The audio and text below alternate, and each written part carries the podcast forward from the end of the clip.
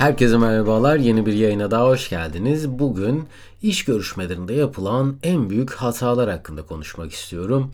Şu an iş arama sürecindeyseniz veyahut da işinizi değiştirmek istiyorsanız bugün konuşacağımız konu tam da sizler için. Yüzlerce ve binlerce iş ilanına başvurup geri dönüş alamadıysanız, artık iş başvurularına bakmak bile istemez bir haldeyseniz Belki de siz de biraz sonra bahsedeceğim hataları yapan insanlar grubunun içerisinde olabilirsiniz. İsterseniz hemen konunun detaylarına geçelim. Bu arada ufak bir hatırlatma yaptığım yayınları beğeniyorsanız abone olarak, yorum yaparak veya da beğeni yollayarak bana destek olabilirsiniz. Ee, beni takip etmeyenler için daha önceki e, yayınlarda aslında bahsetmiştim ama ben bir elektrik mühendisiyim. Türkiye'de, Orta Doğu'da, Amerika'da farklı şirketlerin bünyesinde son 10 yılımı mühendislik yaparak geçirdim. Tabi bu esnada farklı e, iş yerleri açtım, girişimler kurdum.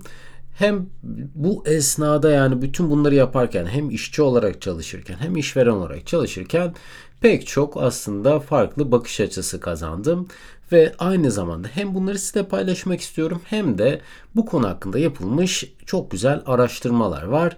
İlk olarak e, iş görüşmelerinde yapılan en büyük hata olarak belirlenen şey başvuru yapılan şirketi yeterli miktarda araştırmamak.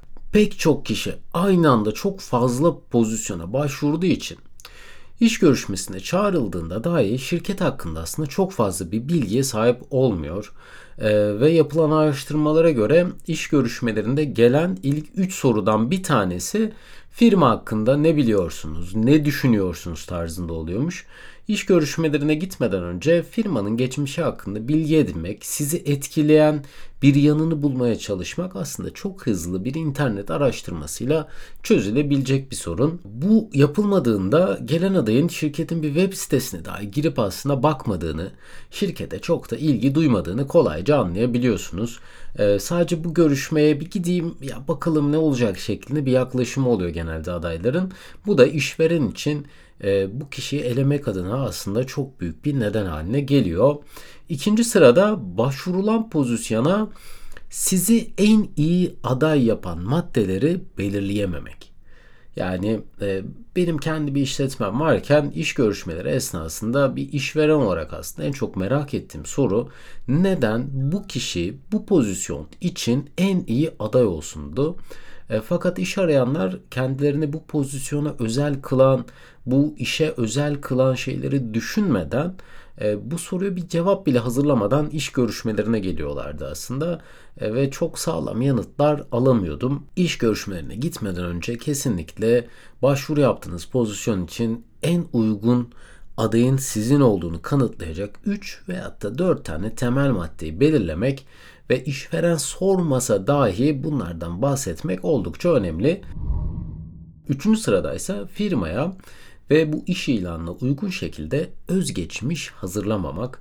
Ee, başvuru yaptığınız e, alanda sizi daha uygun bir aday hali, haline getirebilecek şekilde özgeçmişinizi yeniden bir elden geçirmek aslında inanılmaz büyük bir avantaj sağlayacaktır. E, bu arada özgeçmişte yalan söylemekten bahsetmiyorum aslında. Örneğin satış ve pazarlama alanında bir işe başvuruyorsanız geçmişte bu alanda çalıştığınız pozisyonları sadece biraz daha öne çıkarmak, bu sorumluluklara yani satış ve pazarlama alanında aldığınız sorumluluklara özgeçmişinizde daha fazla yer vermek sizi diğer adaylara göre daha öne geçirecektir. Benim hatta birebir yaşadığım bir tane örnek var e, buna çok uygun. Ben hep elektrik mühendisi olarak çalıştım ve bir gün yurt dışında bir iş başvurusu vardı ve proje mühendisi arıyorlardı. Aslında mühendislik yaparken çok fazla sorumluluğu yerine getiriyorsunuz. Yani sadece elektrik alanında değil proje alanında da pek çok çalışmam olmuştu mesela. Bu pozisyona başvururken çalıştığım işlerde proje ile ilgili kısımları biraz daha öne çıkarmıştım ve bu işverenin daha da ilgisini çekmişti. Yani e, yapacağınız o başvuru yapacağınız iş ilanına firmaya birazcık daha süre ayırıp daha spesifik başvurular nasıl yapabilirim sorusunu sormak sizi diğer adaylara göre daha öne çıkarabilir.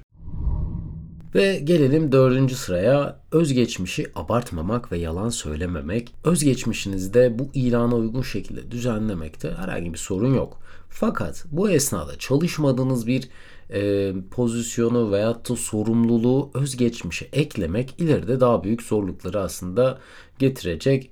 Özellikle e, benim gördüğüm, gözlemlediğim sertifikalar ve beceriler bölümünde her insan o kısmın çok dolu gözükmesini istiyor. Yani aldığı, topladığı bütün sertifikalar, bütün yetenekler böyle oraya e, onlarca, yüzlerce şey sığdırmak istiyorlar. Fakat 10 yıl önce almış olduğunuz bir sertifika veyahut da 5-6 yıldır e, kullanmayıp unuttuğunuz bir beceriyi oraya eklemek çok da mantıklı bir davranış değil. E, bunlarla ilgili sorular geldiğinde e, adaylar aslında bunlara yanıt vermekte, açıklamakta zorluk çekebiliyor. Mümkün mertebe özgeçmişte dürüst olmak gerekiyor. Eğer ki yani oraya eklediğiniz özelliklerden bir soru geldiyse ve kullanmıyorsanız çok uzun süredir e, o konu hakkında deneyiminiz olmadıysa, çalışmadıysanız bunu açıkça söylemek, dürüst olmak e, işverende daha iyi bir izlenim bırakıyor diye düşünüyorum.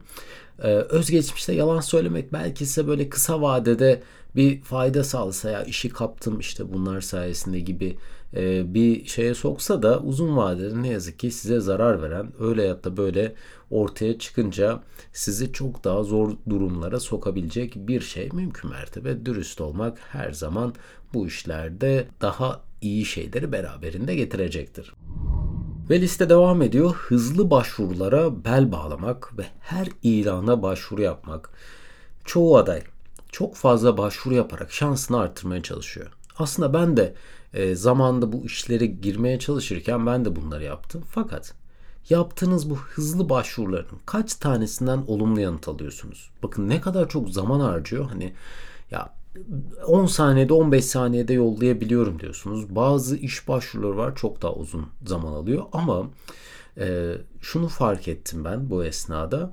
Bu adayların çoğunun bir filtre mekanizması yok. Yani hızlı başvuruda da aslında sorun yok ama e, bunun da temel sebebi işsiz olmak ve bu süreçteki stresi yaşamak çok zor. Fakat sizin alanınızda olan iş başvurularını seçebilmek, filtreleyebilmek ve bu alanlara özellikle böyle çok spesifik bir biçimde hazırlanıp başvurular yapabilmek aslında belki de bu süreyi daha hızlı bir şekilde atlatmanızı sağlayabilir. Daha hızlı bir şekilde iş bulmanızı sağlayabilir. Çünkü olduk olmadık her ilana başvuru yapmakta sizin zamanınızı, enerjinizi boşa harcamanız anlamına geliyor. Listenin devamında adayların yeterli miktarda soru sormaması. Pek çok aday iş görüşmelerinde soru sormaktan kaçınıyor. Bu da benim gözlemlediğim bir şeydi, yaşadığım bir deneyimdi aslında.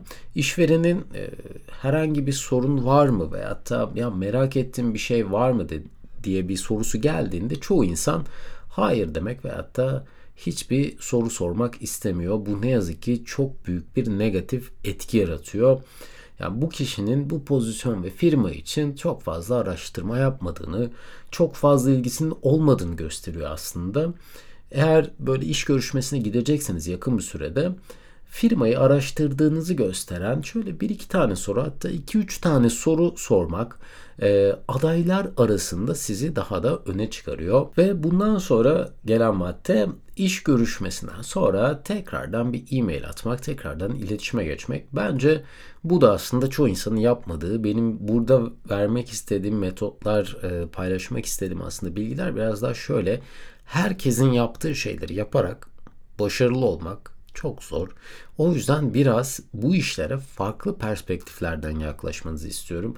Mesela iş görüşmesinden sonra bir mail atmak ne kadar vakit alıyor? Hiçbir vakit almıyor. Ama e, bu firma, bu e, iş ilanı yayınlayan firma o kadar çok kişiyle görüşüyor ki aslında bu insanları eleyebilmek adına veya iş görüşmesinden sonra bile e, bu firmaya ya bir dakika bazen tam böyle ortada geçebiliyor iş görüşmesi.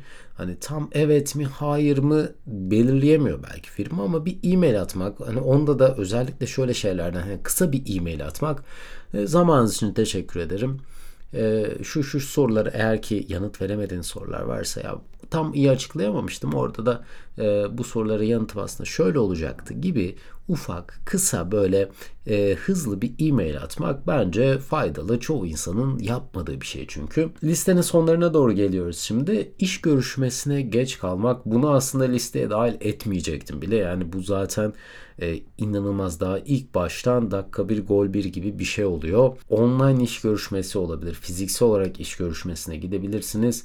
E, bu, bu görüşmelere geç kaldığınızda karşı tarafa inanılmaz derecede olumsuz bir mesaj gönderiyorsunuz. İş görüşmesi başlamadan önce orada olmak e, ve hatta işte kullanacağınız araçları eğer ki online bir iş görüşmesi ise mesela mikrofonunuzu test test etmek, kullandığınız yazılımı test etmek olabilir. Çevrenizde size ses yaratabilecek şeyleri işte telefonunuzu, bütün elektronik aletlerinizi sessize almak ve eğer ki evde tek değilseniz evdeki kişilerden sessiz olmasını istemek gibi önlemler aslında sizi beklenmedik sürprizlerden kurtarıyor. Çok basit şeyler ve ayrıca görüşme başladığı saatten önce eğer ki online bir e, iş görüşmesi yapıyorsanız bir 10-15 dakika önce orada olmak e, iyi bir izlenim bırakıyor. Çünkü diğer kişiler o iş e, görüşmesine katılacak insanlar sizin ne kadar süredir orada beklediğinizi görebiliyor en azından. Ve bu da iyi bir izlenim ki fiziksel olarak yapılan e, iş görüşmelerinde de böyle 15 dakika 20 dakika erken gidebilmek ve orada beklemek aslında sizin bu işe, bu firmaya, bu insanlara ne kadar saygı duyduğunuzu gösteriyor. Oldukça önemli. Sadece iş görüşmelerinde değil bence bütün ilişkilerde dakik olmak oldukça önemli. Ve listenin son sırası birinci aşamayı geçtikten sonra adayların diğer takibinde gelen görüşmeye hazırlanmaması. Genelde ilk görüşme insan kaynakları ile yapılıyor. İkinci ve üçüncü görüşmeler bazen üçüncü görüşme oluyor firmalarda bazen olmuyor. Teknik ekip veya da takım arkadaşları gibi yöneticiler gibi işe girince sizle muhatap olacak kişilerle oluyor. Fakat bu görüşmelerde katılacak kişileri araştırmamak, onların iş tecrübelerini, çalıştıkları alanları gözden geçirmemek aslında bir sonraki görüşmede olumlu bir izlenim yaratmamanıza sebebiyet veriyor. Çok hızlı bir Google aramasıyla, LinkedIn aramasıyla bu kişilerin geçmişini böyle çok hızlı bir şekilde araştırıp belki oradan bir soru hatta çıkarabilmek ve bu da karşı tarafa şu izlenimi yarat, yaratıyor aslında. Ya bakın ben sizi araştırdım. Ben sizin neler yaptığınızın farkındayım gibi pozitif bir izlenim bırakıyor.